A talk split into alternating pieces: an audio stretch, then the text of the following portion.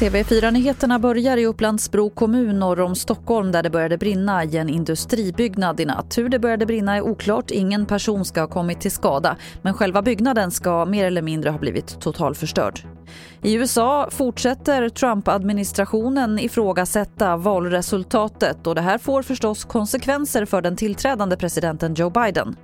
Ja, normalt sett så skulle han ha bjudits in av presidenten som har gratulerat till vinsten och sen ska man ha gjort en del formella överlämnanden. Det har ju inte skett nu och det gör att Joe Biden kan mer eller mindre bara planera. Han, han har inte alls samma frihet att göra saker som man hade kunnat göra om den avgående och den tillträdande presidenten samarbetar. Och Trump som bekant, han har ju inte ens erkänt att Joe Biden har vunnit så det är klart att det är därför de inte samarbetar.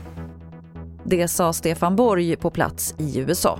Och vi avslutar i Danmark där regeringen nu backar från planerna på att avliva landets alla minkar. Det rapporterar Ritzau. Det var ju efter att flera danskar smittats av ett muterat coronavirus som statsminister Mette Fredriksen sa att landets 15 miljoner minkar skulle avlivas. Men regeringens förslag får inte stöd i Folketinget. Det var det senaste från TV4 Nyheterna. Jag heter Lotta Wall.